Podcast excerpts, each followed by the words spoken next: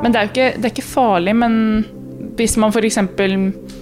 mister menstruasjon over flere sykluser, så er ikke det noe bra tegn i det hele tatt. Da tyder det på at man Det kan være for stort stress i form av trening eller noe i hverdagen som plager en. Altså det er et mentalt stress, men det kan òg være fysisk. For mye trening. Kanskje for, eh, for lite energiinntak. Altså Det kan være mange årsaker til at menstruasjon forsvinner, men det bør man ta på alvor. da. Hello, this is another one. Another baby. Welcome, welcome Now Is It Our with Hans Christian and friends. We're gonna be the best podcast that you ever did hear.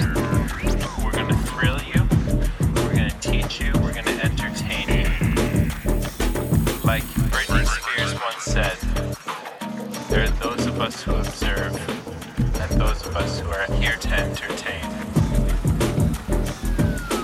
We're here to entertain you, bitch.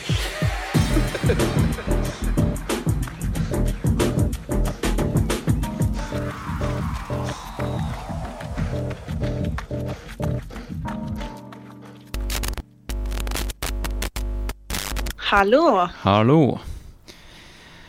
What's up? hvordan er Chamonix-livet? Nei, eh, Chamonix-livet Jeg skal Jeg skal fortelle deg, nå sitter jeg faktisk ute på gressplen. eh, Der eh, jeg og Patrick eh, bor. Eh, Mm. Og det er ca. tre kilometer ned sør for eh, Chamonix. Rett under eh, La Jonction. Jaha. Du vet kanskje hvor det er? fortsatt sommer? Ja. Mm. Har dere fortsatt sommer? Ja, jeg sitter i baris og shorts. Ikke misunnelig. Av flere grunner. Ja, hva du styrer med? Mm, akkurat nå eh, holdt jeg faktisk bare på å tøye. Ja, jeg sitter og tøyer sjøl. Mm. Ja. Må til Ja. innimellom, selv om det er litt kjedelig. Har du noen eh, skavanker for tida? Ja, jeg har faktisk det. Eh, dessverre. Etter eh, San Senja så fikk jeg så vondt på toppen av foten. Midt oppå bristen. Eh, så jeg var redd for at det var et trøtthetsbrudd på et tidspunkt. Men jeg Ja. fikk heldigvis eh, tatt MR kjapt. Eh, og det var en Eller kunne vært tegn på bursitt. Så en betennelse mellom noen bein. Men Ok, noen type vært, ødem, liksom? Nei, ja. Er det det bursitt betyr, kanskje? Ja, jeg vet ikke. det er Ja, jeg vet ikke helt. Men uh, i hvert fall utrolig vondt en periode. Uh, aldri hatt uh, noe så smertefullt. Men det er, det er bra nå. Men jeg er bare litt forsiktig Ja. enn så lenge. All right. Men vi har starta podkasten. Ja, det Ja. tenkte jeg. Ja. ja. Ja, jeg kan jo starte med å si det at du kommer til å bli et litt mer fast innslag på, på, er på introer og sånt. Eh, og kanskje fulle episoder, hvem vet. Men eh, vi, eh, vi gjør et forsøk her, og så ser vi hvordan mottagelsen blir. No pressure. Nei, men jeg er klar, jeg. Det er gøy. Fett. Ja, men eh, da, da setter vi i gang. Du har jo hørt eh, dagens episode, sant? Mm, mm, Med hun Gina. det har jeg. Og, det er jo Ja, hva du, hvordan inntrykk sitter du igjen med? Uten å, uten å spoile noe. Ta Nei, jeg ja. syns det er et viktig tema. Eh, og eh, heldigvis eh, så kommer det mer og mer informasjon om Kan jeg spoile hvilket tema det er? ja, ja, ja, for det står jo i Ja. tittelen. Eh, om eh, mensen, litt om Reddes prestasjon, diverse. Eh, og jeg syns vi er inne på noe spennende. Utviklingen er spennende. Jeg tror at vi kommer til å se et eh, hopp i prestasjoner innenfor forskjellig idrett. Og, da tenker jeg på kvinnelige prestasjoner. Tror og håper. Eh, og så syns jeg det er spennende det som eh, Gina skal i gang med. Um, Ja. Nei, så, og jeg har mye å lære på temaet, og det tror jeg veldig mange har. Og jeg har hørt flere podkaster om, om Reddes og menstruasjon og diverse. Mm. Um, og jeg skulle ønske at uh, jeg um, hadde folk rundt meg som hadde denne kompetansen når jeg, uh, var yngre og uh, skulle satse på dansing, annet. Det hadde vært um, Da hadde jeg mest sannsynlig fortsatt dansa. Det kan jeg si. Så det Shit, er litt altså. interessant. Men Mm. du kan se på sånn her, da. Hadde du, hadde du fortsatt dansa, så hadde du ikke drevet med ultraløping. Og du Nei. hadde ikke vært eh, i, i vårt miljø. Så takket være det, det, så sant. ja. Og så er det jo alltid sånn at når en dør lukkes, så åpnes det som regel andre. Mm. Ikke sant? det har du gjort. Ja. Mm. uh, ja, men du, eh, for dem som kanskje ikke vet hvem du er, da. Siden mm. du skal bli litt mer fast eh, innslag her, eh, skal vi ta en liten intro der før vi setter i gang eh, dagens episode? Ja, det kan vi gjøre. Mhm. Um, det er sånn sånn jobbintervju. Man vet Ja, aldri hvor man ja. skal starte. Ja, men navnet Men ditt. eh, Vi ja, starter med navnet. Margrethe Fjetland. Uh, bor på Stranda. Um, bodde i Oslo i elleve år, det var der vi møttes. Mm. Ble kjent. Mm, og løper ultraløp. Ja. Hvor Mhm. lenge har du dre- drevet med ultraløping? Nå har jeg drevet med det i seks år. Mm. Mm. Og du har vært coach? Er du fortsatt coach? Nei, ikke det nå. Ja, for jeg har jobba som personlig trener uh, i eh, flere år. Og så tok jeg en eh, løpecoach, eh, eller et kurs, løpecoachkurs eh, um, gjennom noe som heter Urban Tribes Sverige. Eh, så da jeg jobba litt som eh, coach, så jeg har ikke um, Eller jo, jeg har jobba en del som det, og gjør ikke det nå lenger. Ok. Mm. Eh, og de løpene du har gjort, da. Hva er det som um, Hva du husker best fra karrieren din, da? Hva du har opplevd? Hvor du har vært den i verden? Du har reist litt. Tr- Ja, Transgran Canaria var egentlig der det starta sånn skikkelig for meg. Og har gjort eh, alle distansene der utenom den som de kaller 360, som er på en måte rundt hele øyen. Ja. Eh, så det er jo mye det jeg husker. Eh, og jeg tenker på med en gang noen nevner ultraløping. For meg. Veldig glad i det stedet. Og så husker jeg òg veldig godt eh, Templier 100 km i 2018. Mm. Og så har du vært eh, du, du har jo vært og sett på en del ultraløp også. Ja. Du har jo en Mm, ekskjæreste som har vært veldig aktiv også i, eh, i ultraløping. Du har vært og sett Western States, for eksempel. På, Mm. ja, på det. Ja. Det er jo et av mine drømmeløp, og ikke fordi at det er et Altså, den type løp er ikke hvor jeg er sterkest, men bare opplevelsen er jo noe man må ha med seg, Mm. tenker jeg. Mm. Og så var det jo helt vilt å være eh, crew på et sånt et løp. eh, og få oppleve det på nært hold uten å løpe sjøl. Og jeg håper jo at på et tidspunkt så tar norske løp litt inspirasjon fra Western State og gjør litt større greier ut av um, checkpointsene, og at man har litt moro og litt temaer. Og, det hadde vært kult. Mm. Mm. Du, vet du hva, Mariette? Jeg tenker vi kan eh, faktisk fortsette praten i utroen. Eh, og så kan vi sette, at vi kan fortsette den praten her i utroen. Ja? Eh, Mm. Og så kan folk høre praten som jeg hadde med hun eh, Gina Flugstad Øystuen. Eh, hun er skiløper, hun driver med langløping. Sånn type eh, Birken og Vasaloppet. Eh, og så har hun en master i fysisk prestasjonsevne. Eh, Mm. og så um, har hun faktisk en podkast sjøl som heter Den kvinnelige utøveren. Som hun gjør sammen med ei som heter, skal vi se her, da Henriette Berg Mero. Som er triatlet og coach. Eh, og også master i fysisk prestasjonsevne. Så um, det er kompetente mennesker, rett og slett. ja, det er en spennende duo, Mm. og ikke minst podkast. Mm. Så ja, jeg og hun Gina kom eh, på besøk hos meg i Studio Disen, og da tror jeg egentlig vi bare skal ønske lytteren eh, god lyttings. Så, Yes! så snakkes vi i utroen. OK. God lyttings.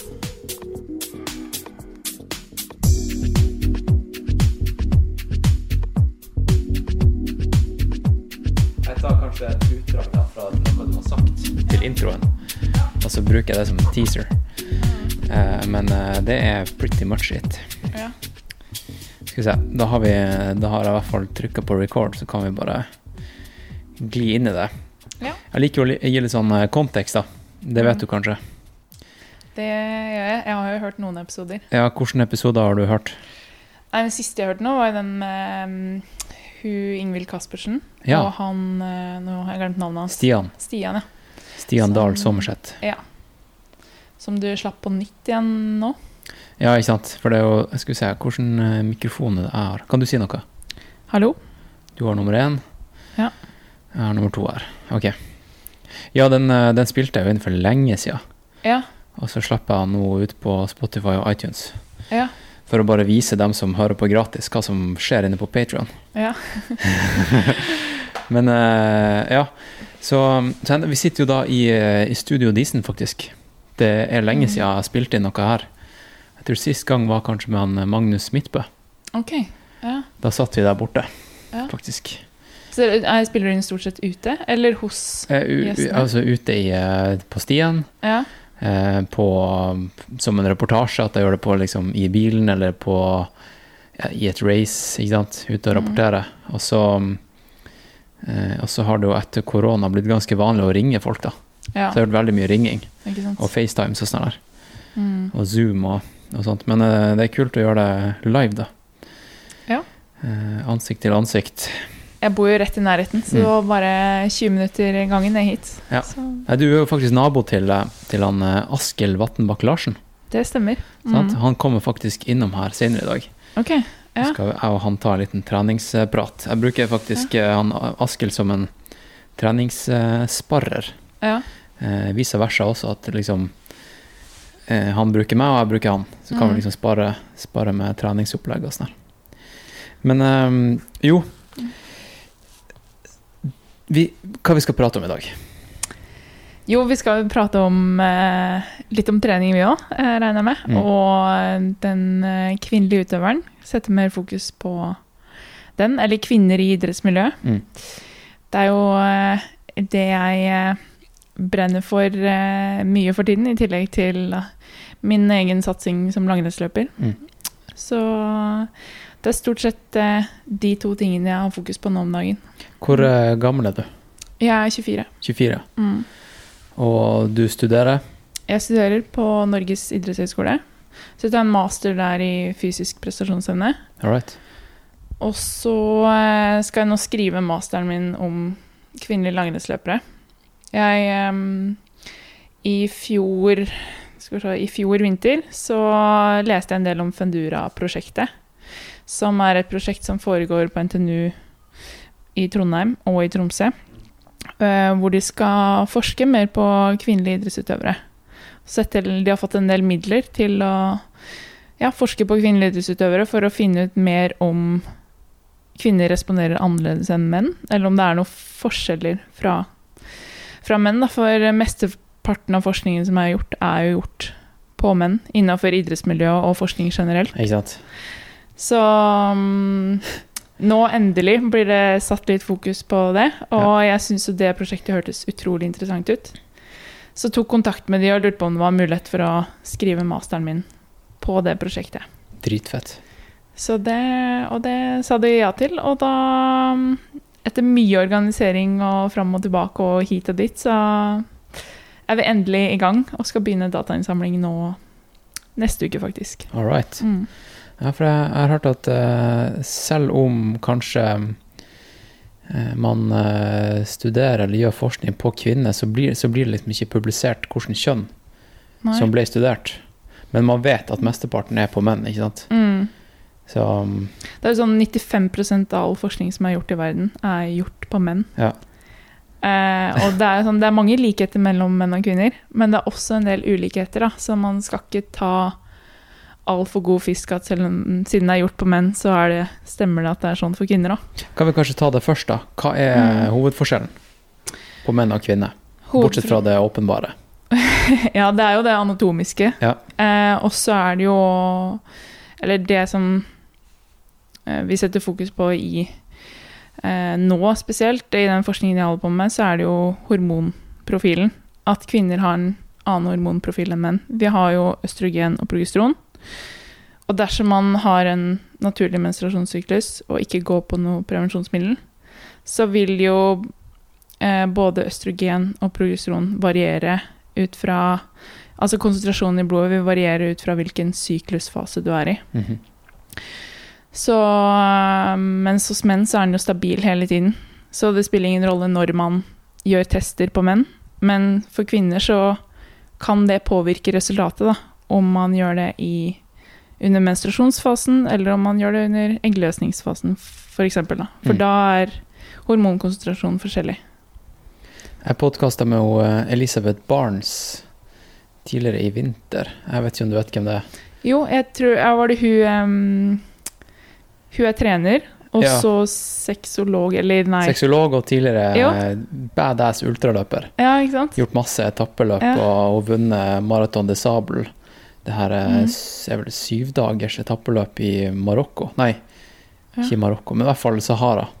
Mm. Eh, og jeg husker hun sa at eh, hun hadde vel mensen mens hun eh, u- u- Altså midt i Marathon de Sable, Ja. og følte at hun fikk en boost Ok. av mensen. Ja. Eh, og hun har snakka mye om eh, det å bruke syklusen til, eh, til sin fordel. Mm. Det er jo veldig interessant, da. Det er det. Problemet er vel kanskje det at man kan ikke time syklusen til å bruke det som doping. Så du er ganske heldig hvis det treffer liksom akkurat når det gjelder. Ja. Men, men hvordan, eh, hvordan påvirker syklusen prestasjonen, da? Det er jo egentlig det jeg skal forske på i min masteroppgave. Ja. Og det er jo noe forskning på det allerede, men det er, eh, det er fortsatt lite, og det som er gjort, er mye dårlig kvalitet. Fordi eh, noen har jo ikke målt selve hormonkonsentrasjonen i blodet, så de kan ikke si nøyaktig hvilken syklusfase de har testa i.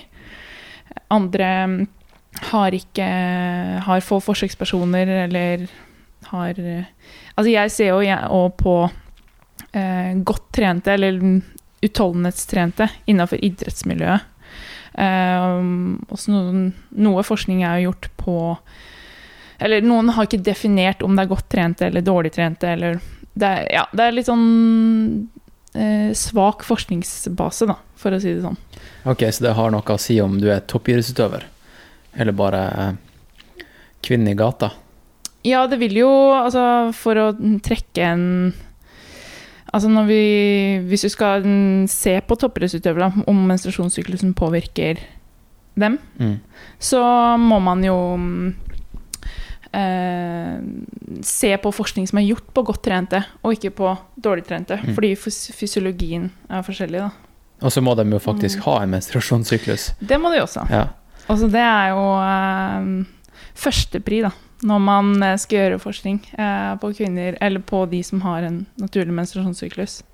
At, de har, eh, at man undersøker at de har en regelmessig menstruasjon, at de har eggløsning, og har den hormonprofilen som vi ser på som naturlig, da. Hvor vanlig er det at eh, kvinnelige toppidrettsutøvere har en naturlig hormonprofil? Vet vi noe om det? Godt spørsmål. Altså, vi vet jo at sånn ca. 50 av eh, alle idrettsutøvere eh, går på prevensjonsmiddel. Og den andre halvparten bør jo da ha en naturlig og regelmessig menstruasjonssyklus. Men så er det ca. halvparten der igjen som har en eller annen form for menstruasjonsforstyrrelse. Enten at de ikke har eggløsning, eller har en forkorta lutealfase. Nå er jeg litt inne på Hva betyr det? sånn- Det vil si at em, Altså hvis vi deler inn em, menstruasjonssyklusen Vi deler den gjerne inn i tre faser. Fordi hormonkonsentrasjonen er forskjellig i de tre fasene. Altså tidlig follikulær fase, blødningsfasen, hvor man har lav konsentrasjon av både østrogen og progesteron. Mm. Og så har du sen follikulær fase, eh, som er sånn rundt eggløsning. Og da er, øker konsentrasjonen av østrogen. Så mange kvinner føler seg ofte bra i den fasen her. Ja. Um, man kan få litt sånn boost av den økte østrogenkonsentrasjonen.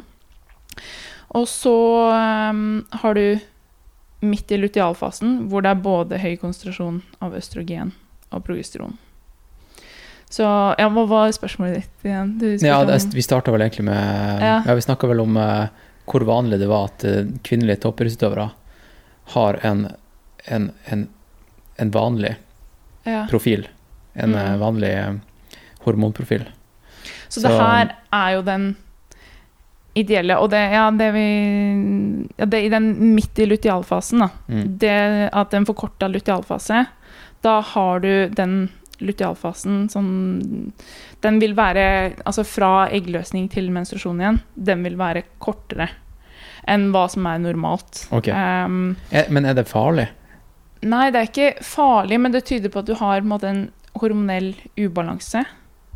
Og at du ikke har den hva skal jeg si, naturlige syklusen som man lærer om i em, bøker og blir undervist i på barneskolen. At sånn fungerer menstruasjonssyklusen. Men jeg begynner nesten å lure litt på om den profilen som vi ser på som ideell og normal, er den faktisk normal? Når Ja, det er sant. så få som har den, da. Ja, ja.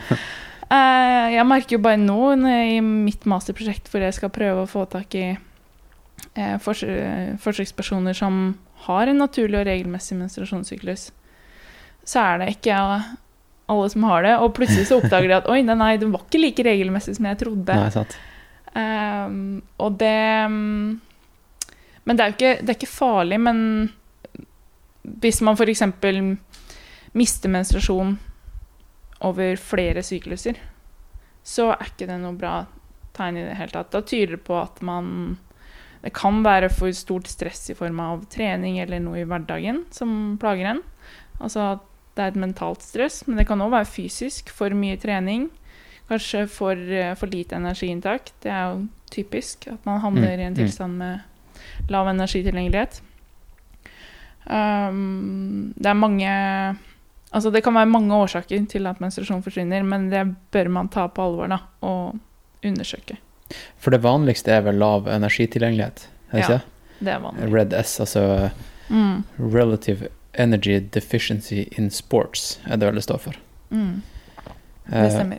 Det, det, har blitt, um, det har blitt en sånn greie at det er liksom vanligst blant kvinner. Men Ja. jeg tror ikke det, altså. Jeg tror bare det at det er kvinner som er mest åpne om det. Ja. Og at, eh, fordi der, der vet man det, eh, det Det er mye tydeligere, da. At hvis du mister mensen, så er det nok eh, reds. Ja. Mens menn har liksom ikke sånne her klare indikatorer på det. Nei. Så sånn sett er jo kvinner egentlig ganske heldige at de har det signalet, da. Som Eller du får en tydelig beskjed om at nå er ikke kroppen i balanse. Mm. Nå er det noe som ikke stemmer. Og da burde du justere ned treninga, hvis du trener mye. eh, Og ha fokus på tilstrekkelig med energiinntak. Og kanskje justere ned totalbelastningen i hverdagen Mm. generelt òg. Mm. For å, ja, å gjøre ting du har lyst til, ha det gøy, være med venner, lag god mat med venner, kos deg med en ekstra bolle om dagen.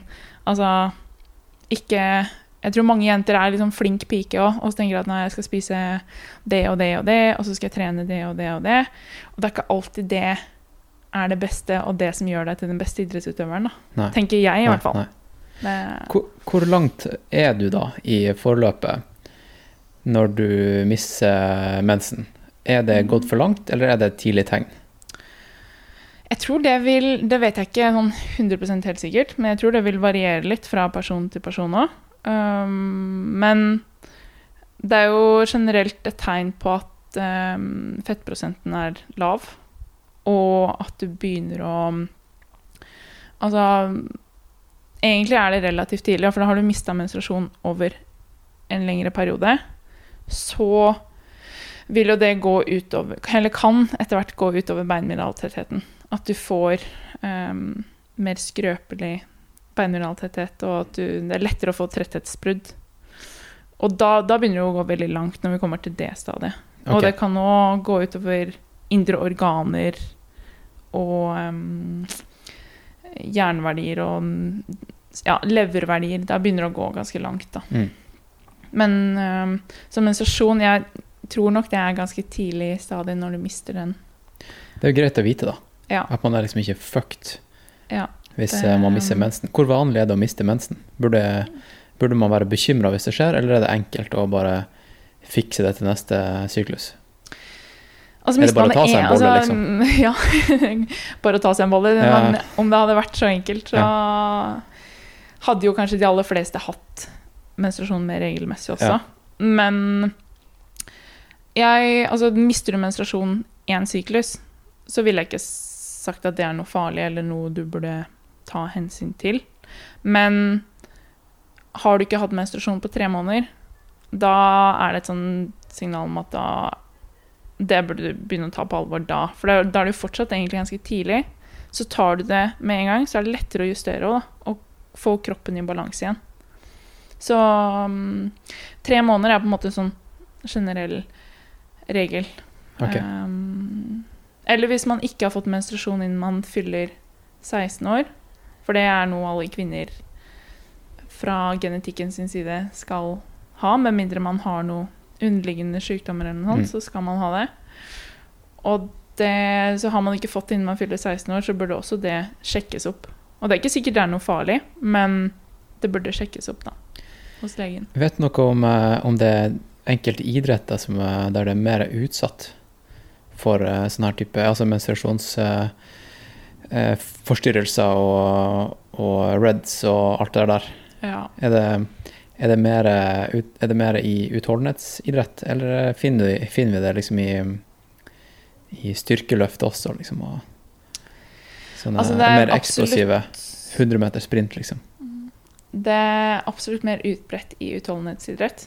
Men det er forekomster i flere idretter. Men utholdenhetsidrett og estetiske idretter, sånn ballett og dans, hvor du på en måte viser fram kroppen din så er- kanskje også? Turen, ja. Ja. Da, der er det også ganske utbredt. Så mm, det mm, Men det er eh, Det her varierer nok òg litt fra eh, land til land og kultur til kultur. Hvordan det er innafor det miljøet man er i, da. Ja, sant, for hvis det er estetiske idretter, så er det en subjektiv greie også. Hva er pent? Hva er estetisk? Ja, Så hvis eh, Det- Ja, det er det. det der er interessant, altså. Ok, så, men den der eh, tesen, eller teorien, eh, du skal mm, forske på og skrive master om, hva, hva går den ut på, da? Og hva, og hva er teorien?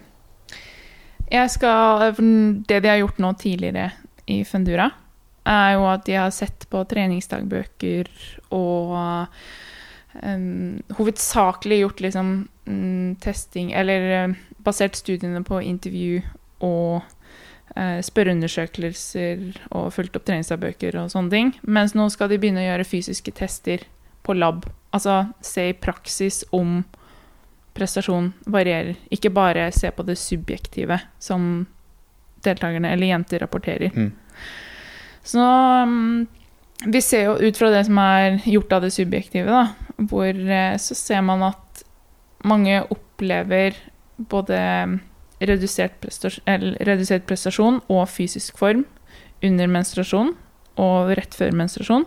Og så føler de seg best rundt eggløsning og den fasen i, i midten av syklus. Da. Ok, Så nå skal vi jo undersøke da, om det her faktisk stemmer. Ved å både gjøre styrke, mm, styrkeøvelser og utholdenhetsøvelser i ulike faser av syklus. sykt interessant. Ja, Fins det noen spennende. piller som gjør at man har konstant eggløsning og aldri mensen? Lurer jeg på, da. eh, nei, det som er at det finnes jo prevensjonsmiddel, p-piller f.eks., Ja, ja, ja. men da mm, mister du begge deler. Um, eller du har, kan ha en kunstig blødning da, eh, når du stopper opp å ta pillene. Ja. Så får man en kunstig blødning. Eller så kan man bare fortsette å ta piller og hoppe over mensen. For det er jo veldig, eh, veldig convenient, da, vil jeg si. Det ville, det ville jeg gjort umiddelbart. Ja. Hvis jeg ble jente i dag, Mm. så ville jeg bare unngått mensen. Men, Ja. men hva er det man taper? Altså, vet ikke ennå, dessverre, eh, om det er noe fordel å ha en regelmessig menstruasjon, eller om det er en fordel å gå på prevensjonsmiddel. Eh, så ut fra det vi vet nå, så er jo bare at den, hver enkelt kvinne må finne ut hva som passer best for seg selv. Eh, og noen har mye plager tilknyttet den regelmessige menstruasjonssyklusen. Store blødningsmengder, magesmerter, ryggsmerter, ledd- og muskelsmerter, eller at man føler seg bare rett og slett ikke vel. Og da kan de jo ha godt av å gå på um, prevensjonsmiddel. Og da må en kanskje prøve flere forskjellige før man finner en man trives med. Um, men hvis man går til en lege eller gynekolog, så vil de ut fra de plagene du rapporterer, hjelpe deg med å finne et middel som skal hjelpe mot de plagene. Da. Okay. Um, så jeg tror at det viktigste er at man føler seg vel og har energi på treningsøkter og minst mulig smerter. At det At du må bare finne ut det, da. Hva Mm. er det som passer for deg? Og det er ikke noe sånn one size fits all. Her, altså, her må alle jenter er faktisk forskjellige der òg. Så man må bare prøve seg frem, da. Det var vel en greie i nyhetene, eller i sportsnyhetene, for jeg tror kanskje det var i høst.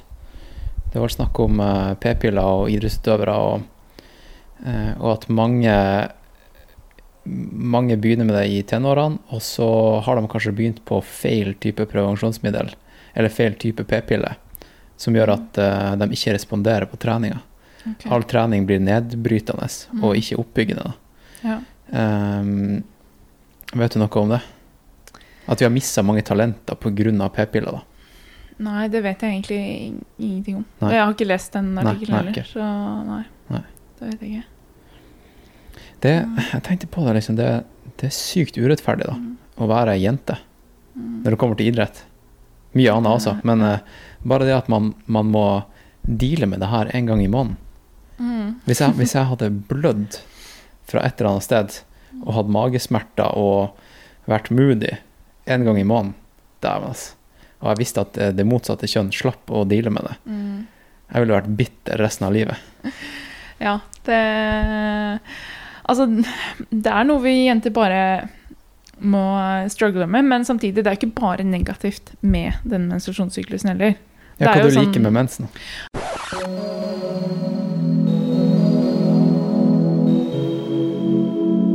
All right, eh, folkens. Det her er programlederen som uh, måtte bare Jeg måtte bare stoppe eh, episoden litt, fordi at uh, jeg må rett og slett uh, fortelle dere om dagens sponsor av episoden. Og det er en tjeneste som heter Bruce.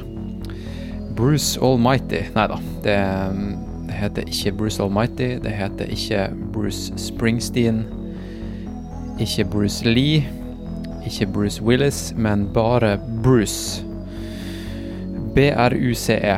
Hvis du går på nettsida deres, bruce.app, så kan du sjekke ut uh, hva de styrer med. Og det er rett og slett en uh, abonnementstjeneste for uh, treningssenter. Så hvis du kunne tenke deg å trene på alle treningssenter, klatresenter, yogastudio, crossfit-studio, whatever, og betale like mye som du gjør for å trene på ett senter, så er Bruce tjenesten for deg. Rett og slett. Jeg tror det er akkurat nå så koster det 699 for full pris i, eh, i måneden. Og hvis du bruker kodeord 'NEDA', så får du 50% avslag første måned. Så hvis du, hvis du laster ned appen, den finnes i AppStore og eh, garantert på Android og Google eh, Play, last ned appen eh, Bruce, og så når du har lasta den ned, så skriver du bare 'NEDA' i chat-feltet. Eh, da er det faktisk et menneske som sitter på andre sida der, og så plotter vedkommende inn 50% rabatt til deg manuelt. Så eh, ta nå og sjekk det ut. Jeg skal faktisk eh, ta og bruke Bruce eh, i dag. jeg. Skal dra og, og klatre. Og det er noen ganger faktisk på samme dag at jeg klatrer og trener på treningssenter samme dag og bruker eh, virkelig bare makse ut eh, Bruce-appen. Så jeg har hatt eh, veldig mye glede av det. Eh, Jeg kan eh, bare snakke godt om Bruce. Så um, sjekk ut Bruce, og så, um, så tar jeg og, og trykker på play på, på denne episoden, så skal du få kose deg videre. OK? Over og ut. Now you put water into a cup. it becomes the cup. You put water into a bottle, it becomes the bottle. You put in a teapot, it becomes the teapot. Now, water can flow or it can crash. Be water, my friend.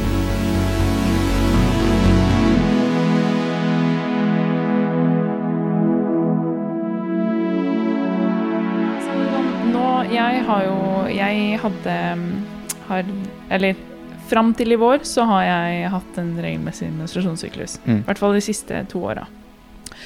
Og da har det Det har vært både opp- og nedturer, men den fasen da, i midten av syklus, så føler du deg så bra både i hverdagen og på treningsøkter, og er liksom så glad og har mye energi. Ja.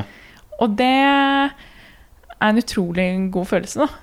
Uh, og du vet at du kan trøkke til litt ekstra på den økta og likevel føle deg pigg dagen etterpå.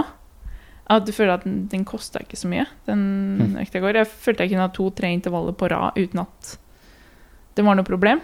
Mens hvis jeg gjorde det i altså rett før menstruasjon eller under menstruasjon, det var ikke snakk om. Nei. Da var det Restitusjonstiden for meg var mye lenger. Så det, ja, det er positive mm, ting Ja, der ja. helt klart. Uh, og så var, for meg så ble det også et sånn trygghetssignal på at jeg vet at jeg har kroppen i balanse. Sant. Det, mm, jeg responderer på treninga, får med nok med at jeg sover bra om nettene. Altså, totalen ble bra. Men så eh, begynte jeg å få den mer uregelmessig. Uh, og det um, Eller mye mer lengre sykluser og mer plager tilknytta menstruasjonssyklusen min. Og smerter i magen og hånd. Og litt usikker på hva det var for noe, men gynekologen trodde kanskje det kunne være endometriose. Hva er det? Det er en eh, kvinnesykdom hvor deler av livmorslivet livmorslimhinna går ut i kroppen og er på andre steder som den ikke skal være. Ok. Og skaper en irritasjon og blødning der. Så mm, da blir man anbefalt å prøve p-piller. Så det gjorde jeg, og har jo hatt mye mindre smerter etter det. Og følt meg eh, mer stabil. Det er kanskje den største forskjellen fra å gå Fra å ha en regelmessig syklus, eller ha en menstruasjonssyklus, til å begynne på p-piller, at um, jeg må ikke ta hensyn til syklusen min lenger. Jeg kan planlegge trening, og så er det treninga som skaper variasjon i hvordan jeg føler meg, Ja, ikke syklusen. Ja. Så før så ble det på en måte en naturlig periodisering ut fra hvor jeg var i syklus. Mens nå kan jeg periodisere treninga uten å tenke på syklus. Mm. Så det er litt spennende og interessant, det, da. Eh, Og kanskje litt lettere i forhold til konkurranser. At jeg slipper å tenke på den syklusen, eller hvor jeg Ja, er i ja. fasen, Ha, hvilken fase jeg ha, er i. har du en trener? Ikke nå. Nei. Nå sparer jeg bare med kjæresten min og litt venninner. Mm. Mm. Og teamet jeg er på. Ja, fordi eh, jeg vil tro det at uh, hvis man ikke går på p-piller, så burde man kanskje ha et ganske åpent forhold til treneren eh, Absolutt. om syklus og hvordan man Mm. føler seg. Og Mm. kunne variere på Ikke ha så slavisk naziopplegg, men um, kanskje kunne mm, justere litt ekstra på det, da. Ja. Ut ifra hvor man er i syklusen. Eh, Jeg, Du har vært innom det, eller? Hatt trener og ikke gått på p-piller? ja, altså jeg Ja. Jeg, mm, det, jeg er helt enig at det bør være en åpen dialog der, fordi det er jo det er helt klart at den menstruasjonssyklusen påvirker oss jenter. Men så er det veldig individuelt hvor mye den påvirker, og om man føler det påvirker treninga. Men um, det bør være sånn at det er lav terskel for trenere å spørre om syklusen. Og det bør være lav terskel for utøver nå å ta det opp med treneren. Eh, Og at det bør være aksept for det ja. fra begge sider. Og så får får de bare ta praten, da. Bare snakke om det og lette litt på liksom, trykket. Og så er det et problem, så må man snakke mer om det og finne ut av hvordan kan vi gjøre det best mulig ut fra den syklusen du har, eller eventuelt prøve noe prevensjonsmiddel. Har man ikke noe problem, så er det liksom OK, men da har vi snakka om det og er ferdig med det, på en måte. Uh, men det Jeg mener at det er noe man bør, bør snakke om, ja. Uh, og ta opp. Og det tror jeg mange trenere som ikke gjør, eller kvier seg litt for å Fordi det er kleint, liksom. Ja, Ja. Det, er liksom, det henger jo litt igjen fra gammelt av, tror jeg. At det, er liksom, det der er priva, en privatsak. Ja. For um, Det er jo en ganske privat sak, men det, det påvirker såpass mye av treninga at Mm. det burde på en måte bare Det burde ikke være en greie, da. Ja, og så er det jo såpass Det er noe alle kvinner har. Det er jo helt naturlig. Ja, ikke sant? Så da mener da burde det være naturlig å Ja. snakke om òg. Så Ja. Eh, Alle går jo på do også, men vi prater Ja. ikke om do hele tida. Nei. Nei, sant. Hva med, hva med satsinga di, da? Du, hvordan er din hverdag, og eh, ja, hva, du, hva du styrer med, bortsett fra å studere? da? Du går, det er langrenn.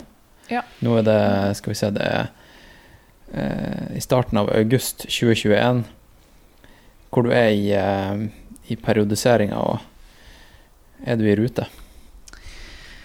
Ja, altså nå har jeg jo jeg har, altså Siden det ble veldig lite konkurranser i vinter, så jeg har trent ganske jevnt um, det siste halvåret. Hadde en liten, litt roligere periode i mai. Uh, ellers så har jeg prøvd å holde det jevnt gående og trent mye lystbetont. En del mengde og lengre, roligere turer. Uh, vært mye i fjellet og um, gått også mer på rulleski mot slutten av sommeren. Okay. Og mer spesifikk trening, mer staking, som jeg skal gjøre mye av til vinteren. Det Mm. er jo stort sett staking man gjør på de lange løpa. Ja, og Hvordan av de løpene er det du skal gjøre? Er det, er det typisk sånn vaseloppe, eller er det, er og sånt? Når du sier Ja. langløp? Ja. Det er de, blant annet. Ja. Og, um, og flere. Men hovedmålet mitt er jo Birkebeinerrennet. Det er det. Den norske Ja. Eller ett av de norske langløpa. Fett. Ja. Fett. Så det gleder jeg meg veldig til. Så det er bare staking, da? Skøyteski og glider og staking? Ja, eh, eller, eller stakeski og klassisk ski. Vi kan stake Stakeski? på det. Fins det? Ja, det finnes. Hva, Mm. hva er spesielt med stakeski, da? Nei, det er litt annen konstruksjon på skia, og så er det jo helt Det er ikke noe smøresone under. Så den er kanskje litt mer lik skøyteskia sånn sett, da. Mm. Um, ellers så går vi òg på klassisk ski uten å ha noe festevoks under, men bare glider. Så, men det kan godt hende at jeg kommer til å gå med feste på Birken. Det kommer helt an på føre Mm. og værforhold. Mm. Så Er det en ny greie, det at unge utøvere satser på langløp fra starten av? Det virker som at det, det har vært en greie som avdanka skiløpere gjør. At Marit Bjørgen liksom etter endt karriere bare prøver seg på det. Takk, takk for at du fortsatt ser på meg som ung. Eller, ja, jeg 24 er kanskje fortsatt relativt ung, men eh, det Selv om jeg føler at jeg begynner å ha gått på ski i mange år nå, så um, er det jo Det er ikke så mange på min alder i det sirkuset ennå, nei, men det er kommet flere. Eh, og det er blitt mer og mer populært de siste to åra, både på kvinnesida og herresida. Og de har jobba en del for å få med flere kvinner òg. At de har satt f.eks. at um, eh, For å ha et lag i Ski Classics, som er den langløpscupen, så må man ha med kvinner på laget. Da. Fett. Så det har jo gjort at det, det har blitt med flere kvinner i det sirkuset. Eh, og en del flere yngre òg. Men det er ikke så mange på min alder. Det er ikke det. Det er vel en Jeg veit om ei norsk ei som er like gammel som meg. Hvor gammel er de her eh, Øyre Slinn-søstrene? De er rundt Jeg tror de er rundt 30. Rundt 30, ja. Ja. Er det dem som er på en måte Er det dem som herjer i toppen? Bortsett fra Marit Bjørgen og Det er jo Astrid, kun hun ene Øyre Slind, Ja. som er med der, da. Ok. okay. Um, Kari og Silje de går fortsatt uh, allround. Ja. Men jeg prøver å få med Kari på litt langløp til vinteren, så vi får se om kanskje blir med på noen. Mm. Men um, Astrid er med, uh, og så er det jo hun Emilie Fleten. Hun er på samme lag som meg. Hun er jo veldig god og har muligheten til å kjempe om den gule trøya, som er sammenlagttrøya i, i Ski Classics-cupen. All right. Mm. Hva heter laget deres? Det heter- Team Expand. Ok. Fuel. Og det er et eh, kosttilskudd? Nei, det er uh, altså, Fuel? Altså er det Fuel, det er Fuel of Norway. De energiproduktene Ok. som lager både sportsdrikk og energibarer og gel. Er det dem som har sånn eh, skikkelig høyt fettinnhold? Nei, de har høyt eh, innhold av karbohydrater. Ok, ok. Så det, det er noe du bør absolutt burde teste ut på Ja. Ja. Ja. Uh, ja, hvilken eh, ernæringsstrategi har du, da? Både i hverdagen og i race og konkurranse. Hva du, har du noen prinsipper? Ja, eh, det har jeg. Helt klart. Selv om jeg ikke har noen nazikosthold eller noe jeg må følge. Nei. Jeg må ha havregrøt til frokost. Ja, ja. Det har blitt en eh, standard med, med brunost men, eh, og smør. All right. Det er en sikker vinner. Jeg ser den. Ja, jeg ser den. altså. Ja. Jeg har aldri prøvd med brunost, men jeg hørte at uh, han kombinertløperen Hva han heter han? Uh, en av våre beste. Ja. Husker du navnet? Jeg hørte han på en podkast. Han, uh, han klinker til med brunost og smør også. Altså Jarl Magnus. Riv, Riber? riber. Ja. Ja. Han er smør og brun og sånn, Mm, ja. mm. ja. Ja, det er en sikker vinner. Den uh, syns jeg i hvert fall er veldig god. Men hvordan Så- tilbereder du det? Du bare koker opp med melk eller vann, eller Eller det jeg gjør, er dagen først så legger jeg eh, både byggryn og havregryn og gjerne litt frø i en kjele med vann. Mm. Og så koker jeg det opp og tilsetter litt melk eller havremelk underveis mens det koker. på morgenen? På morgenen, ja. Mm. Og så tar jeg en skål med å legge på brunost og smør, og, mm, så det smelter begge to. Ja.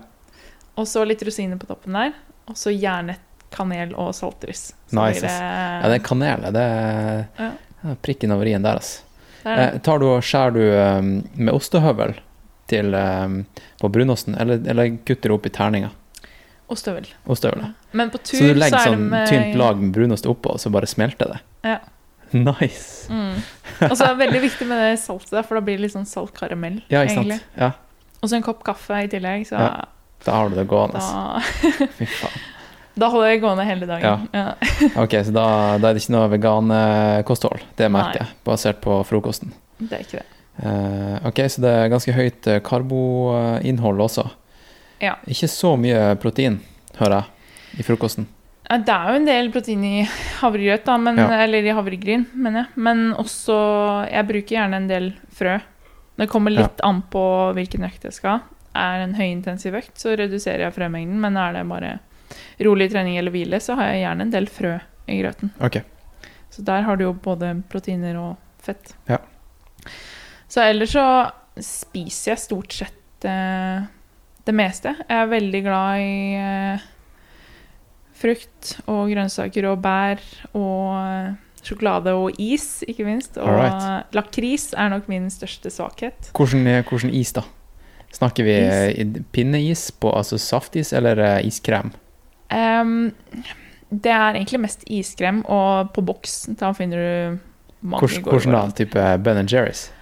Ja, Ben Jerry's er en slager, det. Men Inspira med mm, cookie dough, for eksempel, Ja. det er en solid favoritt. Ellers er jeg veldig glad i å bare ha vanlig vaniljeis og så toppe med det jeg har lyst på. Alt fra lakrispulver til um, bare rosiner og kanel. Ja, ja. er jo ganske digg. Du er ikke den eneste utholdenhetsutøveren som eh, liker iskrem. Han, er, Nei. jeg bodde hjemme hos han eh, Stian Angermund. Vet du hvem det er? Ja. Han er jo fjelløper. Han, eh, han fikk i fjor eh, sommer eh, jeg tror, det var, jeg tror han fikk i gave en sånn iskremmaskin. Mm. Og Da bare lagde han iskrem hver eneste dag Ja. og spiste det til, til kveldsmat. Jeg Ja, men mener det er bare ufattelige mengder, liksom. Det er Ja. så godt, og um, du føler at uh, dagen etterpå så har du litt ekstra energi etter å ha spist en god dose iskrem kvelden før. Selvfølgelig. selvfølgelig. Men for meg så skal is også være litt kos, så det skal ikke bli en sånn hverdagsrutine. For, da er det, for meg er det ikke kos lenger. Så det er liksom Jeg kan godt spise is til kveldsmat eller mm, to, tre, fire ganger i uka, men det er maks. altså. Hvis det blir mer enn det, så blir det liksom ikke den kos-greia lenger Nei, ser det. for meg. Da blir det bare en, sånn, en del av hverdagsrutinene. Ja, ja. Så ja, nei, jeg er en iselsker. Men ehm, Jeg ja, spiser det meste når det kommer til mat, og har ikke noe strenge rutiner der, men jeg er, er nøye med å få i meg nok næring på de lengste øktene. Ja. Det er viktig. Ja, for hvordan, eh, hvordan gjør du det da? Tar du med deg Fuel of Norway-opplegg, eller eh, tar du med deg vanlig mat? Eller bruker du Fuel of Norway-opplegget på race? Hvordan er liksom På konkurranser så bruker jeg alltid Fuel of Norway-produktene. Mm. Både gel og Det går mest i gel og sportsdrikk der. Mens på trening så kan jeg bruke både mm, eh, barer og sportsdrikk. Går mest i det. Men nå på de litt mer høyintensive øktene, eller de lengre, moderate øktene, så bruker jeg gjerne de til også å trene på energi- eller um, fuel-strategier, da. Som jeg skal Mm. bruke underveis Mm. på konkurranser. Prøve å få i meg en viss mengde karbohydrater i løpet av økta. For man bør jo på de lengste løpene Altså de, de mest ekstreme har jo i seg over 100 gram eh, karbohydrater Ja. i timen. Ja. Eh, mens jeg har ligget mellom 60 Jeg lå på 60 på Vasaloppet, og det er egentlig det meste jeg har klart å få i meg. Så, men jeg jobber jo for å prøve å heve den, den terskelen, da, og se om jeg kan klare å få i meg mer. Fordi jo mer du klarer å få i deg, jo Eller enkelt sagt, jo mer du klarer å få i deg, jo en, et høyere tempo klarer du å ha. For da går du mer på karbohydratforbrenning. Når du sier eh, 'klarer å få i deg', altså, snakker du om hva magen tolererer, eller hva du faktisk klarer å dytte i deg av mengder? Begge deler, egentlig. Men det er mest på det hva magen tolererer. Ja. Helt klart. For det jo, i løping er det jo så mye sånn her Det er så mye risting i magen Mm. at eh, det er ofte det som eh, som gjør at uh, mange sliter med magen når Ja. de springer. ikke sant? Uh, det og høy intensitet, altså høy puls. ikke sant? Den Mm. komboen der er jo kjempefarlig. Mm. Men uh, jeg vil tro det at i staking så er det litt, litt mer likt sykling. At du kan komme unna med, med litt mer eh, Litt hardere kost, da, for å si det sånn. Ja, Og du kan være litt mer sjenerøs på, på ernæringa. absolutt litt, men samtidig så klemmes magen litt sånn sammen når du staker. Ja. Uh, og jeg syns det som har vært mest utfordrende, er det at, man, at blæra blir full. At du må tisse ja, ikke sant. Uh, av å drikke mye. Ja. Um, og det, det er utfordrende når du skal gå mer enn sju mil i minusgrader. Um, Mm. Mm. Så han Tord, Asle Gjerdalen, på teamet mitt, han foreslo at jeg skulle legge inn kateter og prøve det. Ja, er det noen som har gjort det, det var, før? det var litt sånn spøkefullt, det der. Men uh, det hadde vært veldig praktisk. Ja, så hvorfor ikke bare gjøre det? Jeg tror kanskje infeksjonsrisikoen er ganske stor, da. Men du kan vel ofre en infeksjon i et race for å vinne, Ja, hvis du slipper å gå på do. ja det Tenk deg det. kan du si. Mm. Det, Jeg, jeg hadde en, eh, en periode der jeg var veldig sånn streng på at jeg skulle aldri stoppe for å pisse. Hvis jeg skulle pisse i et løp, så måtte jeg gjøre det mens jeg sprang. ja. Så da lærte jeg meg liksom metode for å kunne slappe av i, i blæra og hele den Ok. pakka der, da, mens jeg sprang nedover. Ja. Eh, så jeg slutta med det i det siste, for at eh, Jeg vet ikke, jeg, jeg pissa så mye på meg, da. Okay. Det ble så mye gris. Men, men stopper du må jo tisse i løp, du. Fordi altså, Ja, ja. ultraløp så må du tisse flere ganger. Ja, ja. Ja. ja, ja. Så det er jo noe man bør øve på, egentlig. Absolutt. Og, og lære seg å gjøre i fart. Ja. Eller man, man kan gjøre det mens man går oppover. Bare Ja. alltid være i bevegelse, ikke sant. Ja. Klarer du å slappe av da når du har litt puls og Eh, ja, jeg gjør, gjør vel egentlig det. Ja. Ja. Ja. Men eh, spørsmålet er liksom eh, I det siste så har jeg stoppa for å pisse, fordi at jeg ser det at det ikke Jeg klarer ikke å gå så fort, ikke sant. Det er ikke verdt det. Hvis jeg bare stopper Ofte så kanskje vi avtaler, vi som springer sammen, ikke sant. Nå tar vi en dopause. Mm. Det jeg skjønner Ja. For det, men det er noe jeg har tenkt å øve litt på sjøl, faktisk. Å tisse på meg. Fordi jeg prøvde jo bevisst det på Vasaloppet i vinter, men jeg fikk det ikke til. Og Jeg kjente at blæra mi var full, og jeg klarte ikke å stake skikkelig. Og prøvde å tisse, men jeg fikk det ikke til. Og da var det ikke så kaldt heller, så det hadde liksom Det hadde ikke gjort noe med tissa på meg. Altså faktisk pisse på deg. Ja, faktisk tisse, Tisse i trusa. Ja, tisse i trusa. Det er det. Altså, for det tror jeg fort kan komme til å gjøre i vinter. Hvis ikke det er veldig kaldt, da. For da kan du jo risikere å få frostskader, og det vil du helst unngå når det er mange konkurranser på rad. Det er sånn kuldekrem på lårene. Ja. ja det. Um, jeg må i hvert fall, men det er faktisk et problem, da. Som, altså, eller som kan være med å redusere prestasjon. Uh, og jeg vil jo unngå de faktorene, eller prøve å gjøre noe med de faktorene som kan redusere prestasjon. Ja. Så jeg har tenkt at jeg skal prøve å tisse på meg på noen økter nå framover. ja, for rett og slett trene på det, da. Kult. Altså, her har vi folk som tar det til det ekstreme. Jeg digger det. Jeg digger det. Jeg syns jo det er litt kult selv, da. Selv om det er òg litt teit. Hvor mye prater dere jenter om, eh, om mensen og sånt? Og trening? Er det bare Prater dere om det på hver økt? Nei, vi gjør ikke det. Liksom, hvor er du i Eh, syklusen Nei. og alt sånt der? Det er ikke Men jeg har, altså Henriette og jeg som driver podkasten sammen, da, har jo snakka ganske mye om det sammen. Vi har vært litt uh, mensen partners, for å si det sånn. Uh, Har dere men- vært i synk og sånt? Ja, vi har vært litt i synk, ja. Mm. Vi har det. Før du ble usynk? Ja, Ja. før jeg ble usynk Eller, det, det som var litt komisk, var at hun òg var jo usynk i samme periode. Så dere ble usynk samtidig? Mm. Begge fikk en mye lengre syklus og flere problemer. Så um, hun har gjort noe veldig kult å prøve å finne ut av mer hvorfor kommer de her Eller hvorfor ble syklusen lenger, da. Og studere hormonprofilen sin. Mens jeg tok den litt mer lettvinte varianten og gikk til p-piller. Ja. Ja, er det noen teorier der? Er det noe, um, har det noe å si for eh, hvor mye sollys det er, hvilken årstid det er, hvilken type trening dere gjør, siden dere er off-season og gjør eh, barmarkstrening og sånt? Hva, hva er teoriene? Altså, vi vet jo at f.eks. store treningsmengder, eller mye intensiv trening, Mm. kan påvirke syklusen. Ja, høy Um, intensiv kontra lav intensitet Ja, eller også. mye mengde. Ja. Eh, og da gjerne fordi det er et stort energiforbruk. Ja. Eller mye høyintensive økter. Eller en kombinasjon av begge. Kan gjøre at, man, at menstruasjonen kommer seinere, eller at um, det hopper over en menstruasjonssyklus. Mm. Um, men altså sånn generelt årstid og um, sollys og sånn, det vet jeg ikke noe om om Nei. det påvirker. Men jeg vil jo tro at det kan det. Det, påvirker jo kroppen. eh, testosteronnivået også, Ja. altså for menn i hvert fall. Mm, Bor du i Tromsø og det er mørketid, ikke sant, mm, og du ikke får i deg nok eh, D-vitamin, Ja. så påvirkes eh, testosteronnivået ganske markant, altså. ja, det tror jeg på. Så jeg vet at uh, f.eks. veganere i Nord-Norge, det er jo verste sorten. Okay. For de, eh, de, får ikke, de spiser ikke fisk, ikke sant. Nei. Nei, ikke sant. Hvis ikke man tar masse piller og sånt. Ja. Så Mm. ja.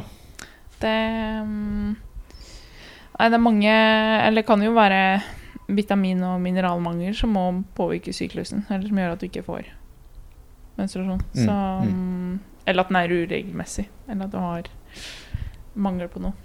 Men hva man skal gjøre da, hvis man er jente og, og La oss Mm. Jeg prøver alltid å se for meg at det er 17-18-åringer som hører på podkasten. For da kan man liksom tenke at man inspirerer neste generasjon, da. Hvis noe skjer med syklusen, da, hva, hva skal de gjøre? Altså For det første så må du jo vite litt om syklusen din for at du skal vite at det skjer noe med den. Så jeg anbefaler jo alle fra de får menstruasjon, som er gjerne før man fyller 16 år, da. Jeg fikk det jo da jeg var 12. Å begynne å kartlegge syklusen din. Bare skriv ned hver gang du har menstruasjon. Og du kan begynne med å bare gjøre det. Gjøre det helt enkelt.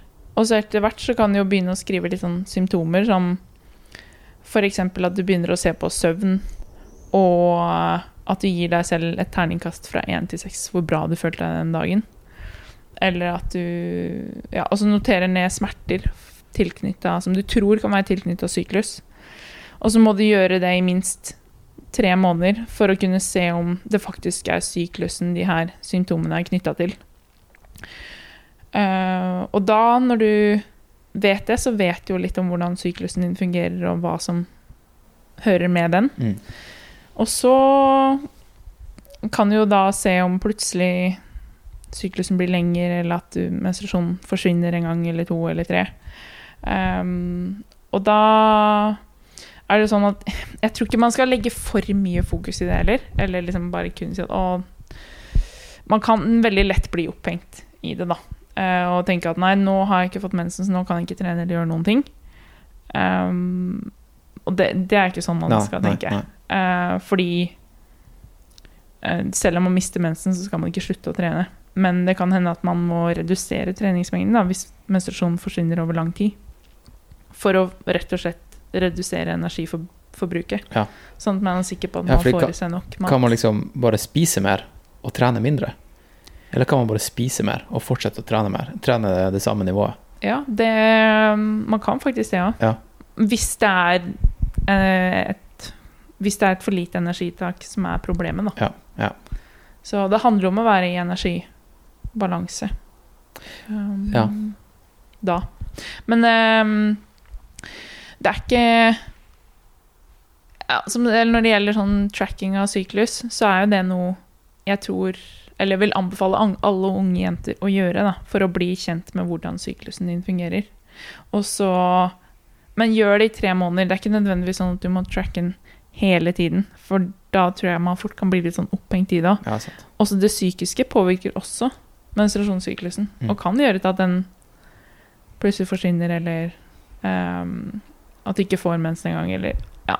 Det, det er en kombinasjon mellom hjernen og eggstokkene der. Det fins vel noen apps man kan bruke også? Ja, Vet du om noen eh, bra apps for å tracke mensen? Og mens du prater, skal jeg ta og teste den her eh, Hva du har bakt for noe her? Jeg har bakt eh, raw cake. Er du glad i Altså, lakris? Eh, ikke så veldig, altså. Nei, nei, okay. Nei. nei, men da kan du prøve den andre, da. Fordi den der er med lakris. Ja. Det her er søtpotet brownie Å, dæven. med mm, sjokolade kokoskrem. Søtpoteter. Hvordan, eh, hvordan har du bakt den? Har du kokt eh, søtpoteten, eller bakt den? Jeg har bakt den i ovnen. Og så bare blanda den i mixmaster sammen med egg og mel og sukker og diverse. Kakaopulver og Og så har du bare satt det sammen i kjøleskapet? Eh, nei, da, også, Har du bakt den det har jeg igjen etterpå? i ovnen, da. Ja, den har vært i ovnen. Det var dritgodt. Ja, så bra. Jeg prøver å overbevise samboeren min om at uh, søtpotetbrownie det er godt, det òg. Det er ikke bare Toro brownie som er godt. det var dritgodt. Ja. Så bra. Nå har jeg to stykker som har sagt at det var dritgodt, så da bør han nå synes den er god. Det her er jo Det, her var suksess. Ja, Ja, så bra. Jeg får ta en med lakris ennå, for Ja. jeg er jo veldig glad i det. Jeg får sånn her eh, hjerte Skikkelig bank i hjertet av lakris. Ok. Og så blir jeg litt sånn jeg får litt sånn noia, sånn kaffenoia. Men det kan jo påvirke blodtrykket. Ja, Lakris. ja. Så mm, kan det være noe i det. Ja, jeg kan bli sånn Jeg kan bli skikkelig gæren. Ok. Av en liten mengde lakris? Nei, jeg vet ikke. Mm. Men jeg har apps for å, for å tracke eh, mensen. Ja. Eh, hva, hva er det som er hot på markedet for tida? Fitter Woman. Fitter Woman. Ja. Mm. Med det er Stacey Simpson er ganske kjent forsker innafor det her temaet. Eller kvinner og idrettsutøvere. Kvinnelige idrettsutøvere. Og hun, sammen med flere andre, har lagd en sånn app. Og i den appen så kan du Der får du også, kan du også få tips som er basert på forskning. Ja. Uh, og ut fra at du får forskjellige tips i ulike faser av syklus, ut fra hvor du er hen. Ehm, så, og den appen kan du, er liksom veldig lett å huke av på når du har menstruasjon og, og plager tilknyttet av den dagen. Hodepine, magesmerter altså Det er forskjellige knapper da, Mm, som er veldig mm. lett å trykke på. Så den har jeg brukt mye og liker den veldig godt. Eller så har du en mer enklere variant som Flow, eller at man kan bare bruke Garmin eller Polar. Ja, man sant. Man kan, man kan plotte inn eh, det i eh, Garmin eh, Connect. Ja. Fett. Mm, det kan du. fett. Mm. Jeg har aldri skjønt meg på Garmin Connect, at, eller jeg skjønner meg på det, men det, den vil også at man skal liksom loggføre hydration. Hvor mye man drakk den dagen. Hvis du begynner å loggføre hvor mange glass vann du drakk, og hvor mange milliliter du har fått i deg, da blir det, blir litt for mye loggføring, spør du meg. Ja, det, det er noen ting som kan bli litt i overkant mye. Ja. Eh, hvis man skal loggføre alt, så har man ikke tid til å gjøre noe annet. Nei, sant. Så sammen jeg har nå loggført Eller jeg bruker både Strava og Bester. Hva er Bester? Bester det er en treningsdagbok på nett. Som er um, Olympiatoppen og Bester var det samme før, men nå har de gått hver sin vei. Okay. Så um, jeg har loggført dobbelt opp eh, nå fordi jeg har vært med på det Fundura-prosjektet Mm. som deltaker òg. men nå har jeg funnet ut at eh, det gidder jeg, gidder jeg ikke lenger, så nå bruker jeg bare Strava. Det, um, Så du, har, du legger ut alt på Strava? ja, så å si. Ikke sånn transportaktivitet Nei, og sånn, men det jeg kaller trening. Og, og hvordan, eh, hvordan trener du for tida? Hvor, hvor mye um, Springer du noe? Ja. Ja. Jeg er veldig glad i å løpe, eh, så jeg springer en god del. Kanskje mer enn Eller langrennsløpere springer òg mye. Men primært det jeg trener for tida, er rulleski klassisk, eller saking. Så er det løping, både sti og flatt. Og så er det klatring og styrketrening. Det er stort sett det det går i. Rått. Du burde jo kunne kombinere langløp, eh, langrenn med, med ultraløping, da.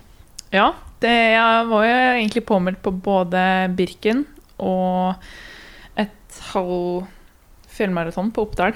Ja. Eh, men nå ble jo liksom alle konkurranser flytta til høsten, så jeg får se hvor mange av de jeg får blitt med på. Men planen er å være med på én løpekonkurranse i hvert fall. Og så blir det nå um, rulleskikonkurranser på blink til uka. På Blink. Hva, Mm. Hvor er Blink, eller hva er det? Blink, det er Er det et sted? eh, Nei, det er, Er på det en konkurranse som Det- heter Blink? Ja, hele Blinkfestivalen Blink-festivalen heter det. Da begynner vi på Blink, da. Eller? Jeg kan bare si til lytteren at uh, programlederen fucka litt opp her. uh, nå prater vi i ti minutter uten at recorderen gikk, fordi at uh, det var et fullt memory card. Eh, jeg kan telle på under Jeg skal si, jeg kan telle på ei hånd hvor mange ganger jeg har fucka opp på denne måten. da. Eller at teknikken har, eh, har gått til helvete. Eh, Ja, men da tenker jeg at du er unnskyldt. ja, men det er liksom Jeg bruker alltid å ha en liksom backup-mikrofon på bordet, Ok. eh, i tilfelle det her skjer, da. Ja. Men i dag så valgte jeg å ikke gjøre det. Så ja, det, det er jo Typisk. typisk. Ja. Alright, men vi snakka om, vi snakket om, om blink og, og hva det var, og din trening Ja. off-season. Mm. Så, så vi gikk jo litt inn på at du faktisk springer en god del, da. Mm. Ikke sant? Gjør det. Eh, og um, ja, jeg vet ikke om vi, vi, kan, vi skal prøve å gjenta det vi, det vi snakka om. Ja. Ja. Jeg kan jo Du kan lede an. For treninga mi sånn stort sett baserer seg nå på klassisk rulleski, staking på rulleski og løping. Både i terrenget og flatt. Og så klatring og styrketrening. Det er det mm, Jeg prøver å ha det allsidig, men samtidig spesifikk. Sånn, for man blir jo ikke god på noe hvis man skal gjøre alt mulig rart. Men Nei, du blir godt trent, men man du blir godt trent, ja. ja. men man blir liksom ikke god. Og jeg ønsker jo gjerne å bli god. Ja. Men samtidig så um, er det jo viktig å um, være allsidig for å kunne legge ned et stort volum.